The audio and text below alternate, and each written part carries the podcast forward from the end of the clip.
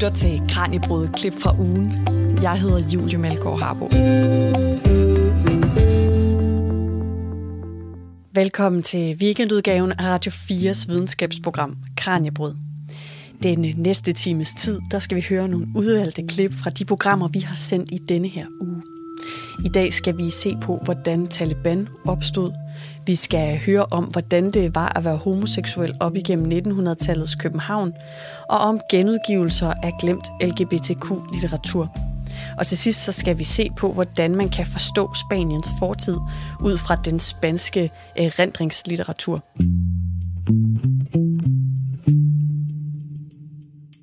I mandags var det et år siden, at Taliban overtog magten i Afghanistan. Derfor kastede Kranjebrud lidt lys på, hvordan Taliban overhovedet blev til. I det klip, vi skal høre nu, der handler det om, hvad der er sket med kvinders rettigheder i Afghanistan det sidste år, for det er ikke nogen hemmelighed, at det ser dystert ud, hvis man kigger på kvindernes frihed i landet. David Vestenskov, der er kant med i historie og chefkonsulent ved Center for Stabiliseringsindsatser, fortæller om tilstanden i Afghanistan og historien om Taliban. Han kaster sammen med Kranjebrudsvært Peter Løde et blik på, hvordan Taliban overhovedet blev til. Talibans oprindelse kan nemlig spores tilbage til Sovjetunionens invasion i 1979, og måske endnu længere end det, som David Vestenskov fortæller her.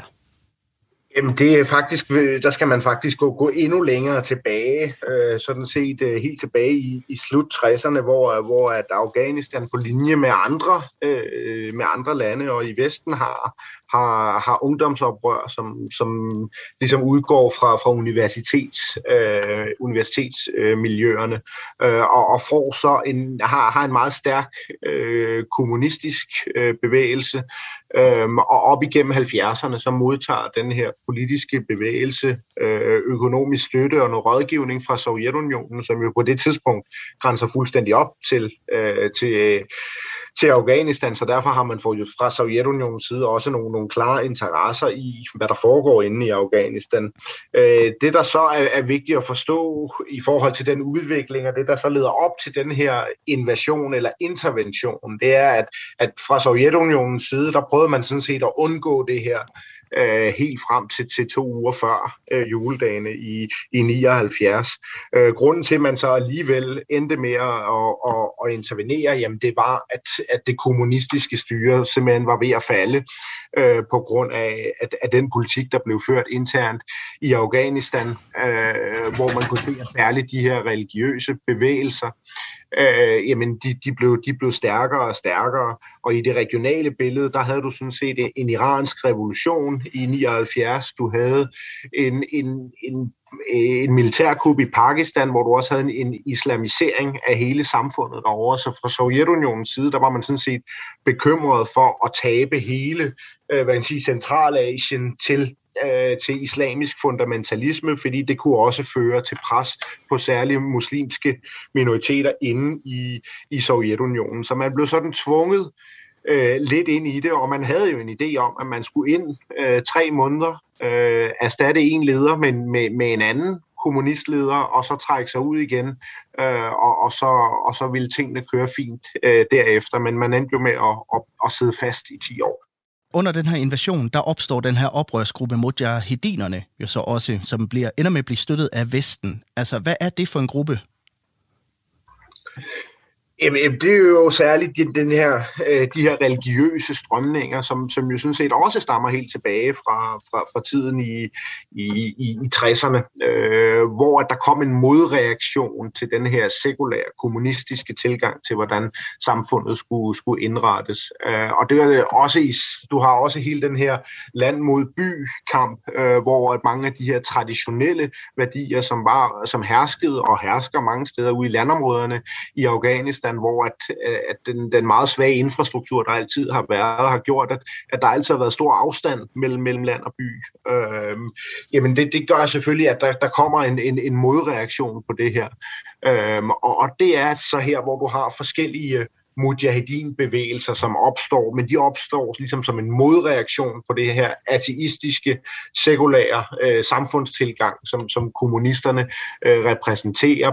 Og det er jo også se i forhold til de reformer, de, de, den politik, man prøver at føre, øh, hvor man for, forsøger at ligesom nationalisere øh, hele landbruget, og det vil sige, at man går ud og tager land fra, fra nogle jordejere rundt omkring lokalt, og det er jo ikke fordi, at, at, øh, at de, de jordejere synes, at det her var en, øh, var en, var, var en super god idé.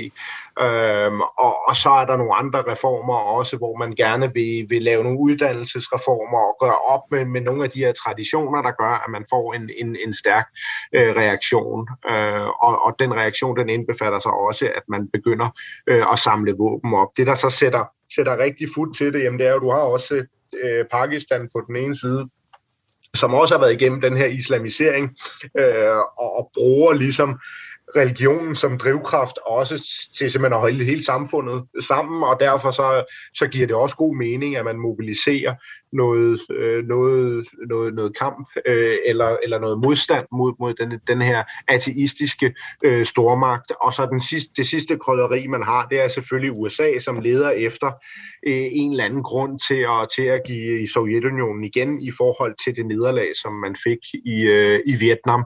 Øh, og derfor så får den her bevægelse, jamen den, den kommer ikke til at mangle hverken penge eller våben, fordi både Pakistan og, og USA støtter, støtter rigtig godt op om de her forskellige bevægelser. Og det er jo så i kølvandet på de her begivenheder, at Taliban opstår. Altså, hvad er det, der skaber dem, hvis man kan sige det på den måde? De, de her mujahedin-bevægelser, de er forskellige, øhm, og de har forskellige dagsordner. Det, der samlede dem i kampen mod Sovjetunionen, det var netop øh, at have en fælles fjende. Øh, det man fandt ud af i 92, da den fælles fjende så ikke var der mere, altså det afghanske kommunistparti, øh, det var, at så stoppede enigheden sådan set også der. Øh, og, og så øh, fløj de i totterne på hinanden, kunne ikke blive enige om magtdelingen, og så startede der en, en, en fuldstændig alt ødelæggende borgerkrig, der kørte fra 92 til, øh, øh, til 96, som, som, øh, som skabte anarki øh, stort set over hele øh, Afghanistan. Og det er så i det her anarki, hvor at, øh, hvor, hvor, hvor at Taliban så opstår som en, som en modreaktion til, øh, til, øh, til, til, til, til den tilstand, der er. Hvis man skal prøve at beskrive Taliban som gruppe, hvad er det så, der kendetegner dem? Jamen det er, som jeg ser det i hvert fald, det er den her, den her reaktive fødsel i 94. Altså hvor at, at, at de her forhold, hvor du har et land, der er havet af forskellige krigsherrer, øh, som, som ligesom styrer både lovgivning og domstole og politiarbejde lokalt og, og ligesom behandler øh, befolkningen øh, lige så dårligt øh, eller, eller, eller lige så godt, som, som, som de nu engang finder, øh, finder det smartest. Øh, der opstår den her bevægelse, hvor man siger, at nu, nu skal vi det her anarki øh, til livs, øh, og vi, vi kigger tilbage i tiden for at finde nogle af de her gamle dyder. Øh, der tager vi fat i religionen, og så i, i, i nogle af de traditionelle øh, pastunske dyder. Øhm, og så indledningsvis har man egentlig ambitioner om bare at lave sådan en lille lomme øh, af lov og orden nede, nede, nede i Kandahar. Øh, men, men det viser sig, at, at, øh, at den afghanske befolkning efter, efter et par års borgerkrig er, er meget fredsparate. Øh, så derfor så får den her bevægelse hurtig vind, øh, vind i sejlene. Øh, og, og lige så snart det ligesom begynder at få bare lidt vind i sejlene, jamen, så begynder nogle af de her krigsherrer stille og roligt at skifte hold øh, fordi man gerne vil stå på den, stå på den vindende side. Øh, og det er det, der gør, at, øh, at, at, at bevægelsen lige pludselig øh, efter, øh, efter nogle år befinder sig øh, inde i Kabul. Øh, og du har sådan set at gøre med en bevægelse, der er gearet til at styre et lille område, som lige pludselig skal styre, øh, skal styre et helt land. Øh, og det, den tager fat i, jamen, det er også det, den er blevet født ud af. Altså, det er den her meget strenge fortolkning, altså hvor man holder kontrol, og man holder lov og orden, og, øh, og, og, og, og på den måde søger man at styre befolkningen, så der ikke er nogen, der, der ligesom falder ud af linjen, øh, og, og, og så begynder de at, at, at slås med hinanden igen. Og så sidder Taliban jo på magten i Afghanistan, indtil krigen i Afghanistan bryder ud i 2001 i efterdønningerne på, på angrebet øh, på World Trade Center. Hvad er det for en transformation, som landet går igennem, da Vesten øh, vælter Taliban af pinden?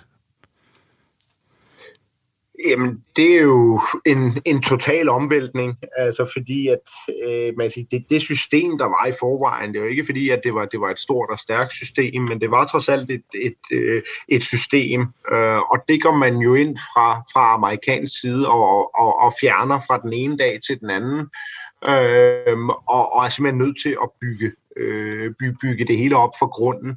Øh, vi er også på et tidspunkt øh, i, i, i historien, øh, hvor at, at de, de glade 90'ere, sådan set, øh, det, det, det er dem, man står ovenpå, hvor at, øh, at særlig sådan øh, værdi, en, en værdipolitisk udenrigspolitik, jamen det, det er sådan set stadig det, der hersker. Øh, man synes selv, at der, der er nogle gode erfaringer fra, fra, øh, fra, fra, fra, fra Balkan, øh, og, og der kommer et pres særligt fra de europæiske lande i forhold til at bygge Afghanistan op som, som, et, øh, som, som, som et demokratisk land. Øh, og det gør også, at man, at man får sat baren rigtig højt, og det gør selvfølgelig øh, den her samfundsomvæltning endnu større, øh, fordi man sådan set forsøger nærmest fra den ene dag til den anden og, og, og, og sætte fuld skub på, på en demokratisk øh, transformation. Så, så det bliver en, øh, det, det er en voldsom, øh, voldsom ændring. Men det her med skolegang for, for piger, det er jo kun en del af de mange indgreb øh, mod kvinders rettigheder i landet. Altså, hvad er det ellers for nogle krav, som de er blevet underlagt i løbet af det seneste år? Jamen, det er, jo, det er jo særligt det her forbudsregime igen tilbage til, da, da Taliban fik magten for første gang tilbage i, i 96.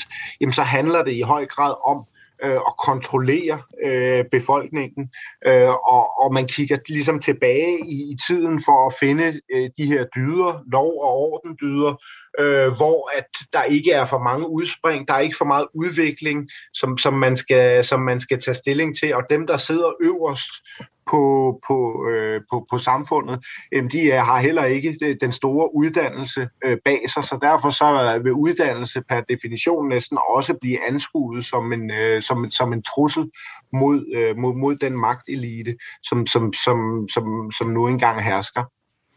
Men blandt andet så er det jo øh, så er det også blevet forbudt for kvinder at dyrke sport, og faktisk så er der også en opfordring til, at de opholder sig så meget derhjemme som, som overhovedet muligt. Altså, hvad er det for en rolle, som Taliban tænker, at kvinder skal udgøre i det nye Afghanistan? Jamen, de skal, altså, de skal udgøre øh, og have den samme rolle, øh, som, som, øh, som de havde for, for, for tusind år siden, øh, var jeg ved at sige. De, de skal spille en stor rolle i hjemmet, inden for hjemmets hu, øh, fire vægge, øh, men de skal spille en så marginal rolle som muligt øh, ude, øh, ude i samfundet. Øh, og det, det er en meget klar linje, som der blev lagt tilbage i, i, i slut 90'erne, og, og det er så også den linje, som, som, som man har samlet op nu øh, hvor man simpelthen også forsøger at holde informationsniveauet øh, så, så, så lavt som overhovedet muligt. Det, som bevægelsen selvfølgelig kommer til at kæmpe med, det er, at, at to-tre generationer nu har modtaget uddannelse, øh, og er et helt andet sted, end, end afghanske kvinder var øh, tilbage i slut 90'erne. Øh, og, og det vil øh, blive, blive en udfordring for, for, for bevægelsen oven i de andre udfordringer, der ligger.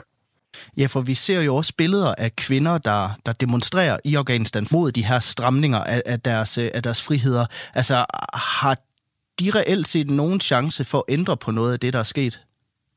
Øh, på den korte bane tror jeg, at de, de får rigtig svært ved det. Øh, men, men det er klart, at, at alle, alle de her oppositionstiltag, som, som der er mod Taliban, jamen det er jo noget, som, som, som stikker til bevægelsen øh, og, og, og som gør ondt på, på bevægelsen. Øh, og, og som jeg også sagde indledningsvis, så har jeg meget, meget svært ved at se det her system være, være en langtidsløsning for øh, for Afghanistan. Øh, jeg tror ikke, at, at kvinders øh, rettigheder og roller kan, kan reformeres øh, tilstrækkeligt øh, under et, et Taliban-regime. Øh, men, men, men jeg tror sådan set heller ikke, at det her Taliban-regime det kommer til at det kommer til at leve særlig længe. Øh, så, så, så derfor er øh, mobilisering i forhold til, til, til rettigheder, øh, jamen det er også noget, som, som hvis man fortsætter det, jamen, jamen så bliver det også en del af, af, af, den, af den kultur, der er, og så prøver man ligesom at i det mindste vedligeholde øh, det niveau, som, som kvinder øh, fik opbygget øh, under den vestlige tilstedeværelse, således at det bliver en del af det nye system, der kommer i Afghanistan på et eller andet tidspunkt. Om det så er om, om et år eller, eller, eller om fem år, det er, det er svært at se lige nu. Øh, men, men ligesom for at, at, at opretholde niveauet, jamen, jamen så, så, så er det væsentligt, at, at der er de her øh, bevægelser. Det fortalte David Vestenskov, kan med i historie og chefkonsulent ved Center for Stabiliseringsindsatser. I denne her uge har der været Copenhagen Pride. Men man øh, har jo ikke altid fejret homoseksualitet med folkefest i gaderne. Det er faktisk ikke særlig længe siden, at det var ulovligt for mænd at være homoseksuelle. Derfor kastede Kranjebruds Peter Løde sig over de danske homoseksuelle mænds historie. Det skal handle om nogle af de udfordringer, som miljøet har mødt op igennem 1900-tallet, som AIDS og den grimme lov. Men vi starter i 1906 med en sædelighedssag, der afdøde en stor del af det homoseksuelle undergrundsmiljø i København. Med denne her sag blev det kendt for både politifolk og borgere i byen, at der altså var flere homoseksuelle, end man lige gik og troede. Og det medførte både en udskamning af dem, der blev outet, men også en form for fælles stiltigende accept af, at de kunne have deres seksuelle omgang med hinanden, så længe det foregik i hemmelighed og bag lukkede døre. Lyt med og hør litteraturhistoriker Dark Hede fortælle om det her. Jeg tror, det vi i hvert fald kan, kan sige med sikkerhed, det er, at det ikke kun er et dansk fænomen. Øh, vi har en lang række homoseksuelle skandaler i Vesteuropa på det her tidspunkt, og især i vesteuropæiske hovedsteder. Vi har Oscar Wilde-skandalen øh, i England, øh, vi har Oldenburg-skandalen i Tyskland, vi har en øh, skandale i Sverige, øh, også i... Øh, øh, øh, perioden 1900 til 1910. Og så har vi altså den her, den store sædelighedsskandale i 1906-7. Øh, jeg tror, det handler om, at øh, det er første gang, i hvert fald i øh, Europas hovedsteder, at homoseksualiteten bliver øh, offentligt debatteret. Det har eksisteret sådan i smug og i ekspertkredse og i private cirkler øh, siden 1870'erne og frem, men, men, men, men det bliver et offentligt anlæggende øh, i den her periode. Og det er her, at øh, smuspressen begynder virkelig at skrive om den, og den store sædelighedsskandale blev også øh, et scoop for øh, en række af de her øh, boulevardpresseorganer, som boldrede sig i sagen og øh, skrev og opfandt en masse ting. Hvad er det for nogle oplysninger, der kommer frem, der, der fører til den her sag? Det er en helt banal sag om to øh, unge mænd, som bliver anholdt i en baggård. Øh, man mistænker dem for at ville begå indbrud, men i virkeligheden så er de søgt ind i baggården for at begå utugt. Altså, de skal have sex derinde.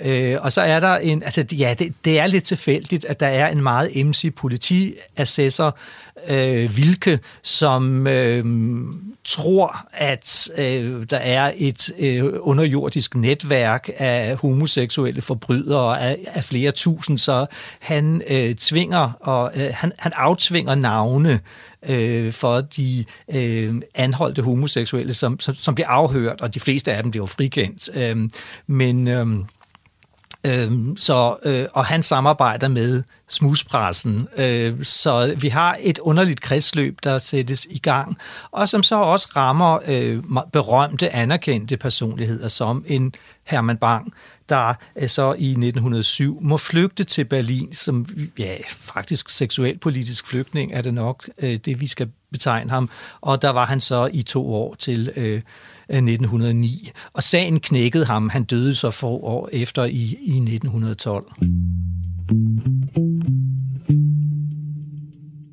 Og lad os øh, tage fat på et af de mere mørke kapitler i Regnbuens historiebog, nemlig historien om den grimme lov fra 1960'erne. For at forstå, hvad den grimme lov handler om, så er vi nok nødt til at starte med at tale om, hvordan det homoseksuelle miljø i København og prostitutionsmiljøet på det her tidspunkt hang meget tæt sammen. Hvordan var forholdet mellem de to? Ja, altså vi har jo haft en meget mere øh, vi har haft en tættere kobling mellem mandlig homoseksualitet og det, vi vil kalde pædofili øh, og prostitution øh, helt frem til øh, 1950'erne, 1960'erne. Øh, vi har haft en, i første halvdel af forrige århundrede, der havde vi jo en ret udbredt soldaterprostitution. Der var mange soldater, der var udstationeret i hovedstaden, øh, og... Øh, øh, de fik dårlig løn, og det har været udbredt praksis, at de fik en krone eller to for at lade sig servicere af homoseksuelle mænd.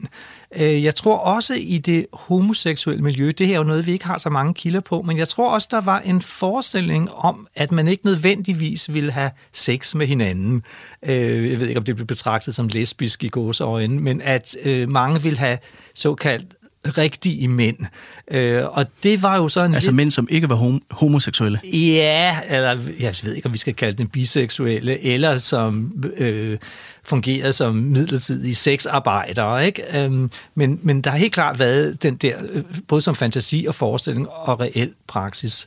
Øh, så øh, den kobling mellem prostitution pædofili, altså, og nu skal vi jo huske på, den homoseksuelle lavalder var, var tre år højere øh, end den heteroseksuelle lavalder, så der var jo klar diskrimination, så det, det gjorde jo, at øh, hvis man havde betalt sex med en 17-årig dreng, så, så, så, så var det både altså sexdel, øh, betalingsdelen var kriminaliseret, og aldersdelen var kriminaliseret. Så der var den her juridiske gråzone, som så blev aktiveret ved vedtagelsen af den såkaldt grimme lov øh, i 1960'erne. Og hvad var det, den grimme lov, den indebar?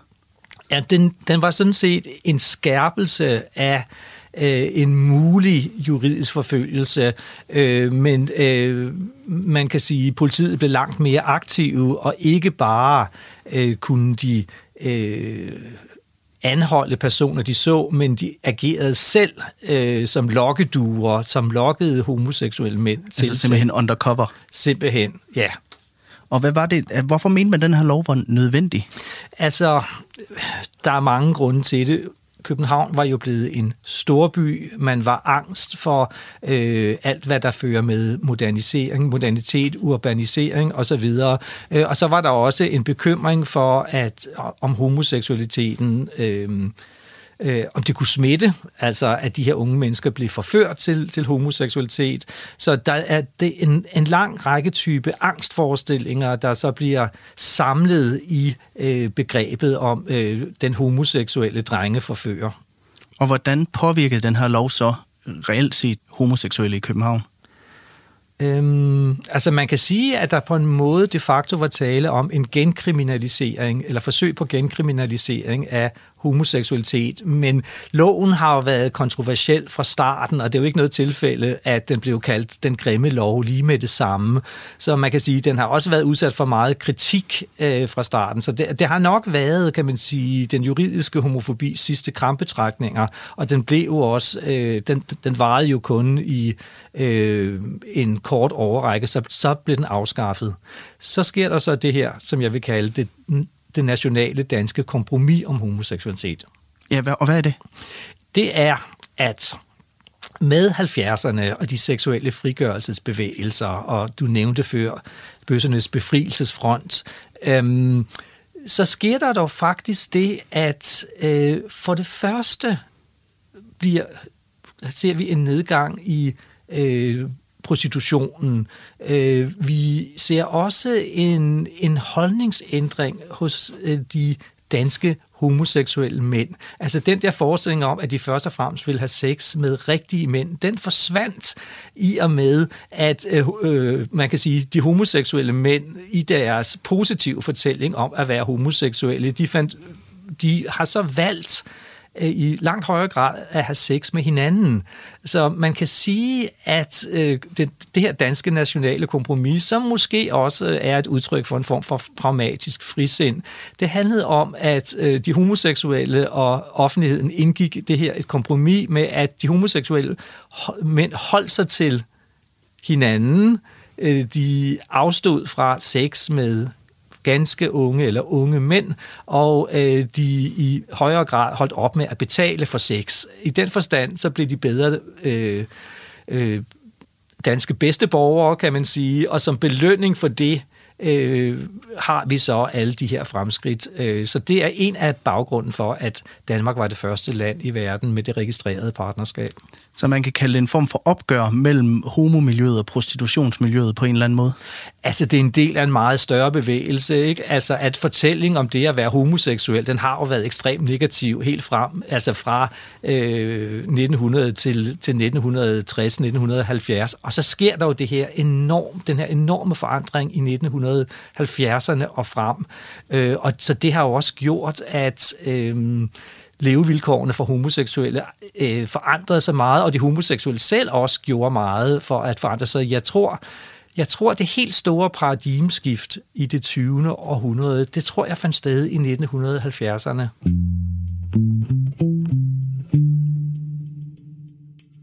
Men så sker der også noget i 1980'erne, der igen ændrer synet lidt på homoseksuelle, nemlig HIV og AIDS epidemien. Og det er jo en seksuel overført sygdom, der kan ramme alle, men som særligt spredte sig i de homoseksuelle miljøer i USA. Og i 1981 der registrerede myndighederne så de første tilfælde herhjemme i Danmark. Hvad er det for en tid at være homoseksuel i? Altså egentlig tror jeg, at det skubber lidt på på bagvendt vis og med en dyster baggrund på en positiv udvikling, der allerede var godt i gang. Og jeg synes, at hvis man for eksempel ser på den måde, den danske regering taklede AIDS-krisen på, i modsætning til den svenske, altså hvor at, at, at, at, at i Sverige blev alle bøstesavne er lukket med det samme, og, og der var alvor, altså der var seriøst tale om at internere svenske HIV-positive på en ø i Skærgården. Ikke? Altså det er en helt, helt anden national fortælling end den danske. Jeg tror helt klart, at Danmarks pionerstatus som det første land i verden, der indførte registreret partnerskab øh, i øh, 1989, at det blandt andet skal ses på et forsøg på, at hvis, man, hvis de homoseksuelle nu får lov til at gifte sig, så bliver de måske mere monogame. Det ligger der, men jeg tror bare, det er en, en lille forklaring på en positiv udvikling, der allerede var godt i gang. Men hvad betyder det for samfundets syn på homoseksuelle, at der, at der er den her epidemi, hvor man kan se, at mange jo, jo dør? Jeg synes faktisk, i modsætning til andre lande, som har, altså hvor at øh, øh AIDS-krisen fik en, øh, en homofob øh, kontekst, så synes jeg egentlig, Danmark var på mange måder gjorde det til et nationalt projekt at øh, hindre spredningen af AIDS. Jeg ved ikke, om I kan huske de kæmpe kampagner, der var. Jeg er så gammel, så jeg kan huske den tid.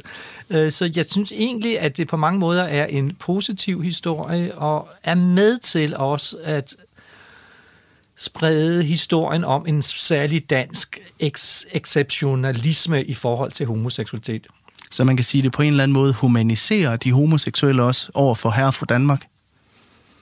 Ja, som sagt tror jeg, at udviklingen var i gang øh, allerede, men jeg, altså, selvfølgelig har der også været koblinger mellem homofobi, og jeg kan da huske, at Susanne Brygger havde en hæslig kronik i politikken, som, som, gjorde, øh, som sagde, at, at øh, AIDS var øh, universets straf for øh, promiskuitet. Så vi, havde, vi har nogle skurke i den historie, øh, som faktisk også skal fortælles. I Sverige er det Jonas Gardell, der har fortalt historien om, om den gang. Og vi mangler den historie, eller man kan sige et retsopgør, så at sige, omkring HIV-krisen.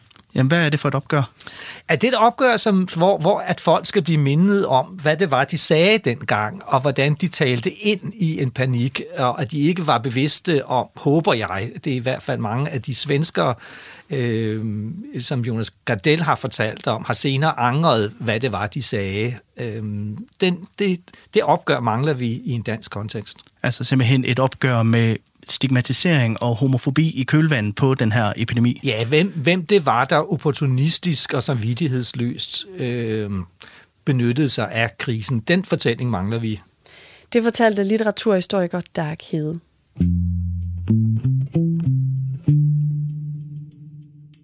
Jeg hedder Julie Melgaard Harbo, og du lytter til weekendudgaven af Radio 4's videnskabsprogram Kranjebrud. Her serverer jeg nogle udvalgte klip fra de programmer, der er blevet sendt i ugens løb. Og vi bliver lidt i LGBTQ-miljøet, for min kollega Peter Løde talte også med litteraturhistoriker Dark Hede om, hvordan den danske litteraturhistorie ser ud fra et LGBTQ-synspunkt. Det kommer blandt andet til at handle om det, man kaldte hanpiger omkring 1910, og om, hvordan man kan queerlæse H.C. Andersen, Herman Bang og Karen Bliksen. Vi skal også høre om den ældste roman med et lesbisk tema, som man kender til, der blev genopdaget og genudgivet for få år siden. Vi øh, hopper ind i klippet netop, som Dark Hede fortæller, hvordan og hvorfor man kan queerlæse Karen Bliksens debutroman. Så øh, det første, det handler om, at man tager øh, store kanoniserede, altså queering the canon, vi kan oversætte det med, pervertere den danske litterære kanon eller litteraturkanon. Øhm, og jeg kan godt lide ordet pervertere som en oversættelse af øh, queer, i stedet for at sige, prøve at sige queer, fordi på engelsk er queer faktisk et frægt ord, og det er et provokerende ord. Øh, så det der med at oversætte det med queer-teori, det synes jeg er lidt tamt, når det kunne være meget sjovere at kalde det pervers teori. Og det gode ved begrebet pervers teori, det er, at det også kan bruges som adjektiv, ligesom queer. Altså man kan være pervers, og så kan det bruges som verbum, udsagnsord, at man kan pervertere, og jeg kan godt lide øh, begrebet pervertere den danske litteraturkanon. Det jeg så har gjort konkret i den henseende, det er, at jeg har øh, nylæst Karen Bliksen, Herman Bang og H.C. Andersen først og fremmest.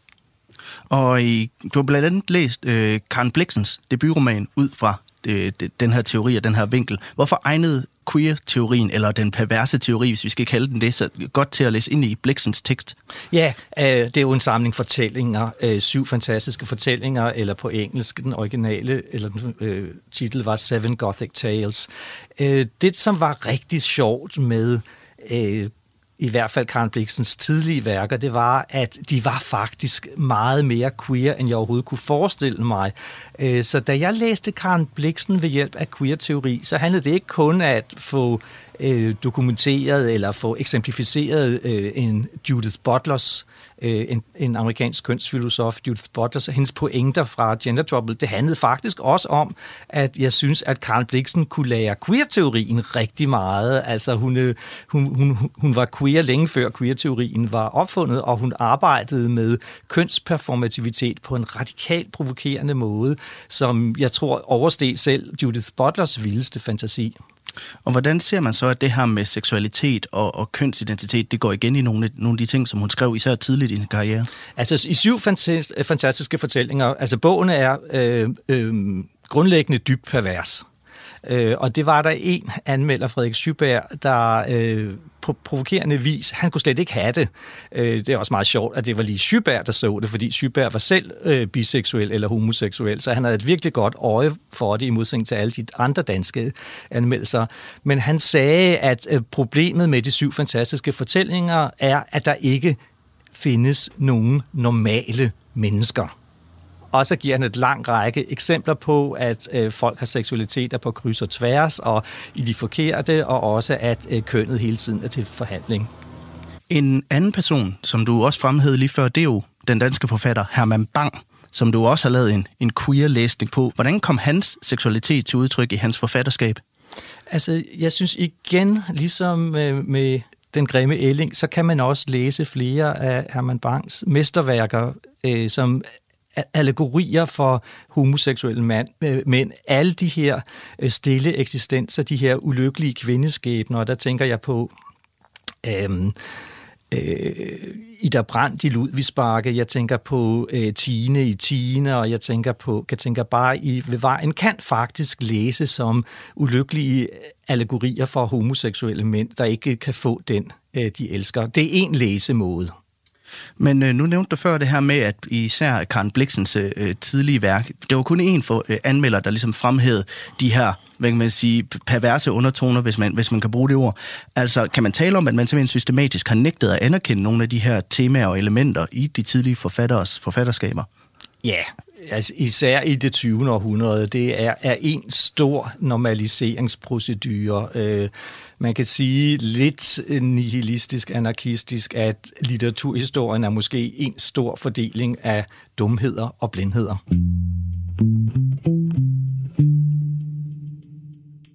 Hvorfor er Nina et vigtigt værk? Altså det er det først og fremmest, fordi det var så tidligt.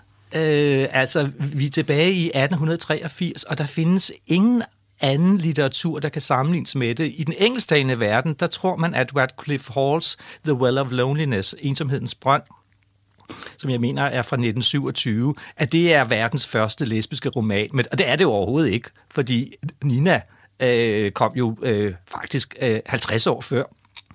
Øh, det er også vigtigt i den forstand, at det fortæller noget om den øh, kulturudveksling, den homoseksuelle kulturudveksling, der var mellem Danmark og Tyskland på det her tidspunkt. Berlin har været homoseksuellens vugge, øh, og det har også været hovedstaden. Øh, det har, det har været ikke bare Europas, men verdens homohovedstad. Så det, der kom fra Berlin til København, og øh, den danske bøssehistoriker Wilhelm von Rosen siger, at det, det vigtigste øh, den vigtigste begivenhed i dansk homohistorie, det var da, da den direkte togforbindelse mellem Berlin og København åbnede, øh, det, det tror jeg var omkring 1890. Øh, fra Berlin kom der medicinske og seksologiske værker om homoseksualitet til Danmark. Danmark sendte derimod øh, litterære værker om homoseksualitet til Tyskland, og ofte blev de oversat lige med det samme. Så det, så det er i Tyskland, at vi finder meget af den danske LGBT plus litteraturhistorie? Altså, de blev i hvert fald oversat meget tidligt, og øh, de fleste danske forfattere, som skrev om homoseksualitet, har sikkert også haft det meget større tyske marked i tankerne. Øh, og noget af, altså det meste af det tidlige danske homo litteratur, det blev faktisk oversat øh, lige med det samme til Tyskland. Og i visse tilfælde, nemlig i Karl Larsens roman Daniel Daniela, som er skrevet i 1908, øh, der kom der slet ikke øh, en dansk udgave, øh, da han var færdig med den. Øh, den blev oversat til tysk lige med det samme, og så sendt på det tyske marked, og først i 1922 øh, kom den danske udgave. Så han, altså, øh, han har nok skrevet den Karl Larsen var ikke homoseksuel, men havde kendt øh, lidt til begrebet og miljøet, fordi han havde været Herman Bangs ven tilbage i 1880'erne. Øh, så der kan man se, altså den har han nok skrevet for at tjene penge, og han har vidst, at der var et marked i Tyskland.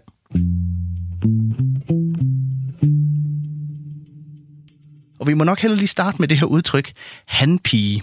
For det er ikke et udtryk, som jeg har hørt før. Altså, hvad ligger der i det?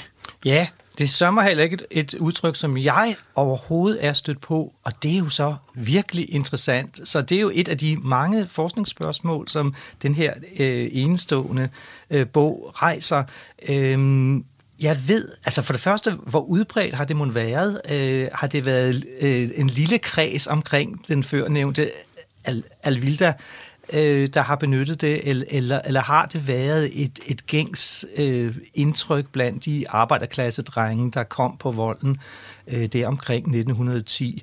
Øh, hvis det, som det umiddelbart vil betegne, det er ikke en, en transkvinde. Øh, det er øh, feminine homoseksuelle mænd i alle aldre. Han taler også nemlig om gamle handpiger. Ja, for Alvilda er også en mand, ikke? Jo, det er hun. Ja, så der, der ligger ikke noget transkønnet i det, at de bruger øh, kvindenavn. Det gør de jo konsekvent igennem øh, bogen, de her handpiger. Det er der ikke noget, det er ikke noget med transkønnethed at gøre, som man kender det den dag i dag. Altså, det tror jeg nok. Jeg tror ikke, at vi kan trække de grænser. Øh, vi ved det faktisk ikke, vil jeg sige. Nogle af handpigerne går også i øh, dametøj. Øh, altså, og nogle, nogle af dem, der går i dametøj, er ikke nødvendigvis øh, seksuelt aktive, eller, eller det, vi vil kalde homoseksuelle i dag. Øh, men øh, jeg tror, det er en anachronisme, og altså, jeg tror ikke, det er historisk korrekt at stille den type spørgsmål, fordi vi ved det faktisk ikke. Nogle af handpigerne ville måske i dag være transkvinder, øh, hvis de havde haft mulighed for kønskorrigerende operationer i 1910. Altså, det er et hypotetisk spørgsmål, men Knud var ikke, er ikke transkvinde. Øh, og det, tydes, tyder på, at Knud på skrivetidspunktet, altså han skriver først og fremmest om perioden 1910-1920, men vi regner med, at nedskriftstidspunktet er omkring 1960, øh, fordi den der søster sønnesøn, der bruger han begrebet homofil, og, og det brugte man først fra 50'erne og frem. Øh, det tyder på, synes jeg, dengang, da jeg var pige, det synes jeg forudsætter, at det er han vist ikke rigtig længere på skrivetidspunktet, eller ellers giver overskriften ikke rigtig mening, vel? Hvorfor er Knuds historie unik? Den er unik af flere grunde. Øhm, den er unik, fordi at øh, det er et af de ganske, ganske få øh, kilder til en arbejderklasse homoseksualitet omkring 1910. Fordi næsten hovedparten, næsten alle kilder, vi har, øh, også førstepersonskilder til homoseksualitet på det her tidspunkt, er enten fra berømte eller mindre berømte forfattere, sådan nogle som Herman Bang, øh, Christian Hovmark, øh, eller det er politifolk, øh, jurister, øh, det kan være øh, journalistiske sensationsreportager, men i alle tilfælde så er overklassen og øh, middelklassen, den er stærkt overrepræsenteret. Vi har næsten ikke nogen arbejderklassekilder, altså subjektive arbejderklassekilder, øh, om hvordan det var at være en homoseksuel arbejder dreng øh, i 1910. Så den giver os indblik i et, en helt særlig verden, øh, vi faktisk ikke vidste noget om, og Begrebet handpige er bare et eksempel på, at vi lærer en masse nyt i Knud Petersens memoir. Det fortalte litteraturhistoriker Dark Hede.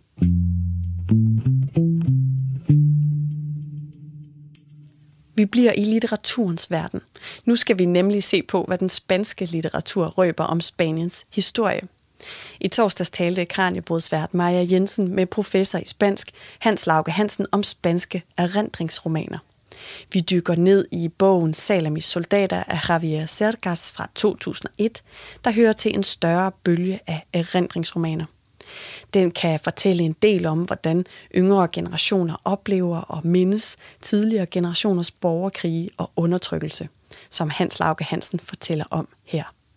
Det er en bog, som ja, den har jo snart 20 år på banen alligevel, så selvom ja. den er mere moderne, så har den jo altså øh, alligevel noget tid på banen, og i den tid, der er den kommet til at øh, have en rigtig øh, kraftig indflydelse på den bølge af erindringslitteratur, som har skyllet hen over Spanien de sidste 20 år.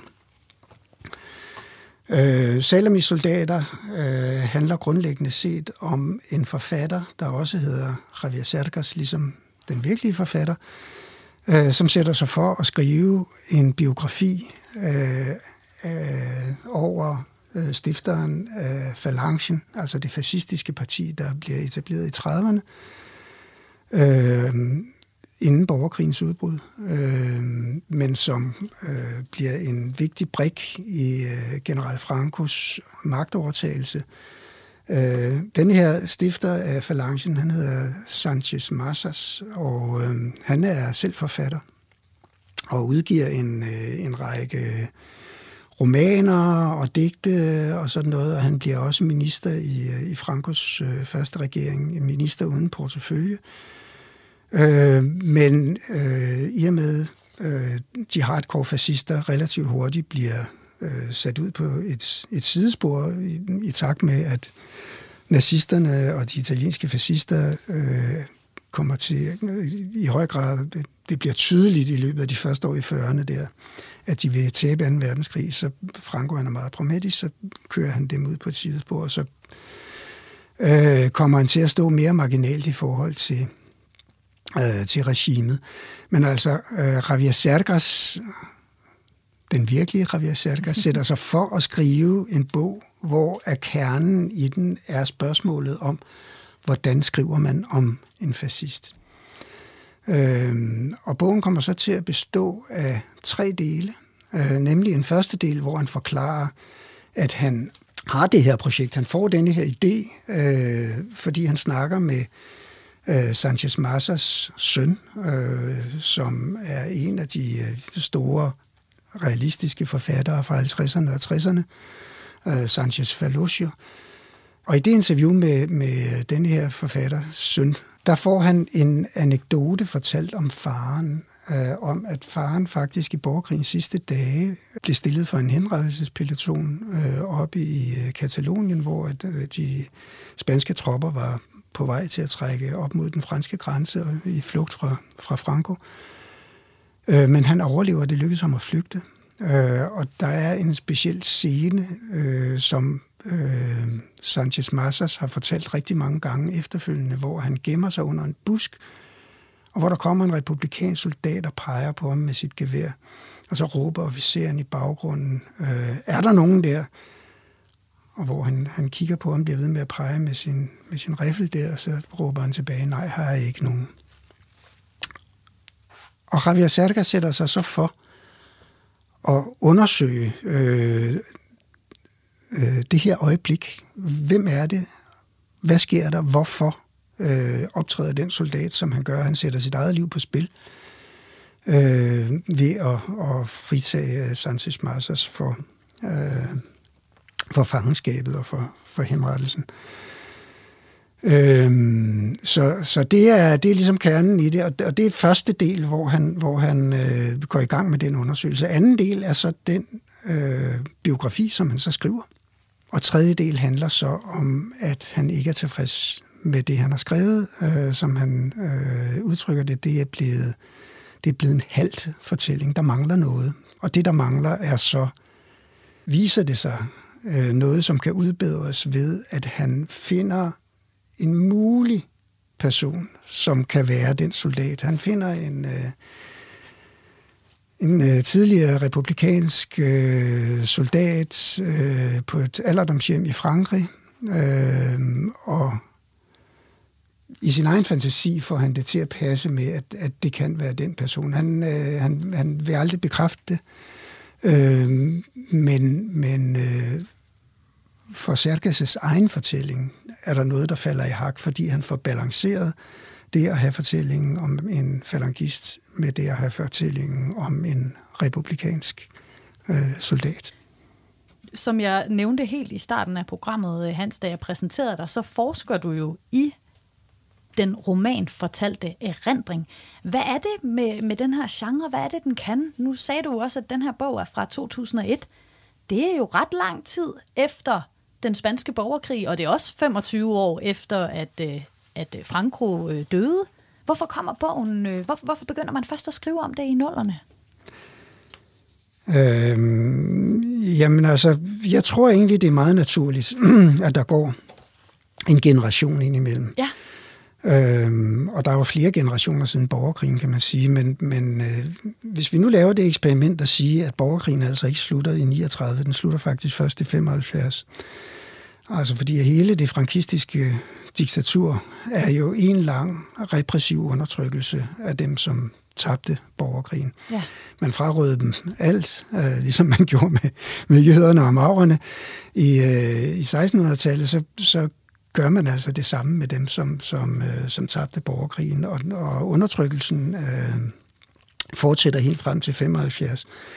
Hvis vi så siger de 25 år, som går fra 75 og frem til 2000, og sammenligner med, hvad der for eksempel skete i Tyskland, øh, der går faktisk også 25 år øh, fra 45 og frem til slutningen af 60'erne, før at, øh, hvad skal vi sige, en ny generation tager på sig og finder ud af, hvad fanden var det egentlig, der skete.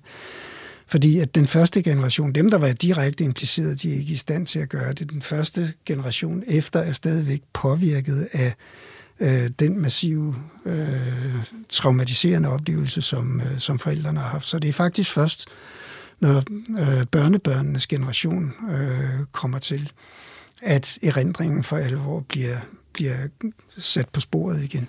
Ja. Og det er det, der sker fra omkring 2000. Det er også der, man begynder at øh, grave massegrave op og få identificeret offrene gennem DNA-tests. Øh, Øh, man laver film, man laver dokumentarer. Øh, den erindringsbølge har, har kørt lige siden. Øh, det, der så er tale om i Spanien, det er jo, at overgangen til demokrati efter Frankos død var en overgang til demokrati, som blev orkestreret af regimet selv. Øh, man vedtog i 1977 en amnestilov, som gjorde, at der var ingen, der kunne blive dømt for øh, forbrydelser af politisk karakter. Øh, og det gjorde jo, at alle, alle Frankos bødler øh, og generaler og så videre var fritaget for, for rettergang. Så der var ikke nogen, det man kalder overgangsretfærdighed i Spanien, og det har der aldrig været. Øh, den lov er stadigvæk gældende, og det vil sige, at den eneste måde, man har kunne yde en eller anden form for retfærdighed, er i øh, symbolsk forstand. Og der kommer de her fortællinger omkring øh, de republikanske ofre øh, til at udfylde et hul, som øh, jura eller øh, andre typer af sociale øh, diskurser og praksiser ikke har kunne, ikke har kunne udfylde. Øhm, så, så man skal se det øh, i det lys, altså antallet af, af romaner, som er udkommet med, med borgerkrigen og frankismen som, som tema, er jo altså fuldstændig overvældende. Det, det, der er tale om i tusindvis af bøger. Jeg tror tilbage i 15 lavede man en opgørelse, øh, der sagde noget med, at der var udgivet 1300 romaner siden år 2000, øh, og, og bevægelsen har altså fortsat øh, frem til i dag, er stadigvæk, stadigvæk en, en, øh, en meget levedygtig øh, litterær strømning. Ja. Så det er et af, et af Spaniens, vil jeg sige, øh, to helt centrale samfundsmæssige øh, øh, problemer øh, af demokratisk karakter. Det andet, det er jo selvfølgelig øh, det her med, med de nationale øh, altså øh, områder, øh, Katalonien, ja. Baskerlandet og så videre, som, som også er sådan en høl. Og, og de to er, er øh, meget tæt sammenfiltret, fordi at borgerkrigen jo også handlede om øh, om regional selvstændighed. Ja. Så, så de to komplekser er, er, er det, som, som øh, Spanien bliver nødt til at få, få ret ud. Ja. Altså, hvordan blev bogen modtaget, da den udkom der i år 2001? Det blev en, øh, en kæmpe succes. Den ja. har fået, øh, hvad man kan overhovedet finde på af, af priser. Den er oversat til et svimlende antal andre sprog, blandt andet dansk jo. Øh, og den har sat norm for øh, rigtig meget af den her erindringslitteratur om, hvordan det er, man fortæller den. Øh, den anvender det, som, som øh, jeg blandt andet har kaldt øh, en, en kronotop. Altså for, for at lave fiktion, så skal man jo sætte tid og rum ind i en, en, en fiktiv verden, øh, med et fint ord kaldet en kronotop. Og ja. det er, det er øh, den den nuværende, øh, ja, nuværende fortids kronotop, altså det vil sige der, hvor fortiden bliver gjort nuværende. Ikke? Uh, present past uh, på engelsk, vi har ikke et rigtig godt uh, udtryk for det på dansk.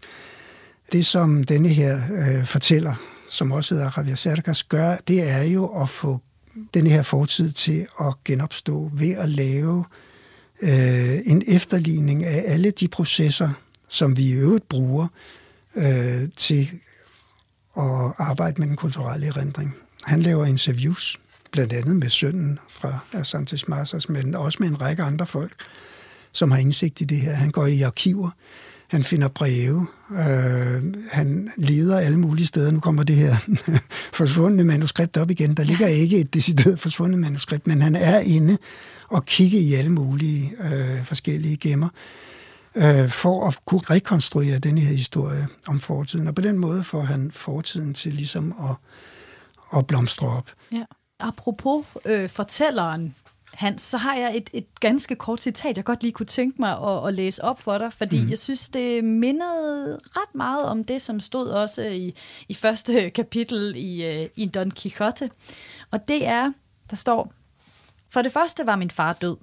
Min kone var stukket af, og for det tredje havde jeg lagt alle mine forfatterambitioner på hylden.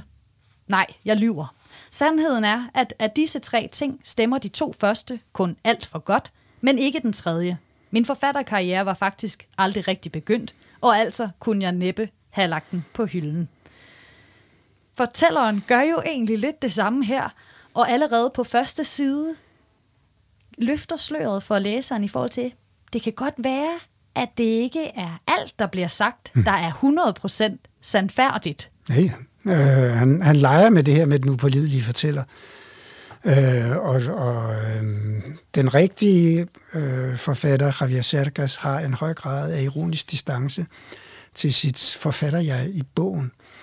Øh, der er rigtig meget, øh, som, som er ens mellem de to, men der er også ting, som er forskellige. Men, men først og fremmest, så kan man jo se øh, forskellen på de to ved, at den rigtige forfatter udstiller sit, øh, sit forfatterjeg i bogen som, som værende naiv og, og, øh, og godtroende og øh, modsiger sig selv og øh, så videre. Og blandt andet forholdet til hans far er et, et øh, som, som jo altså indgår her, min far var lige død og så videre.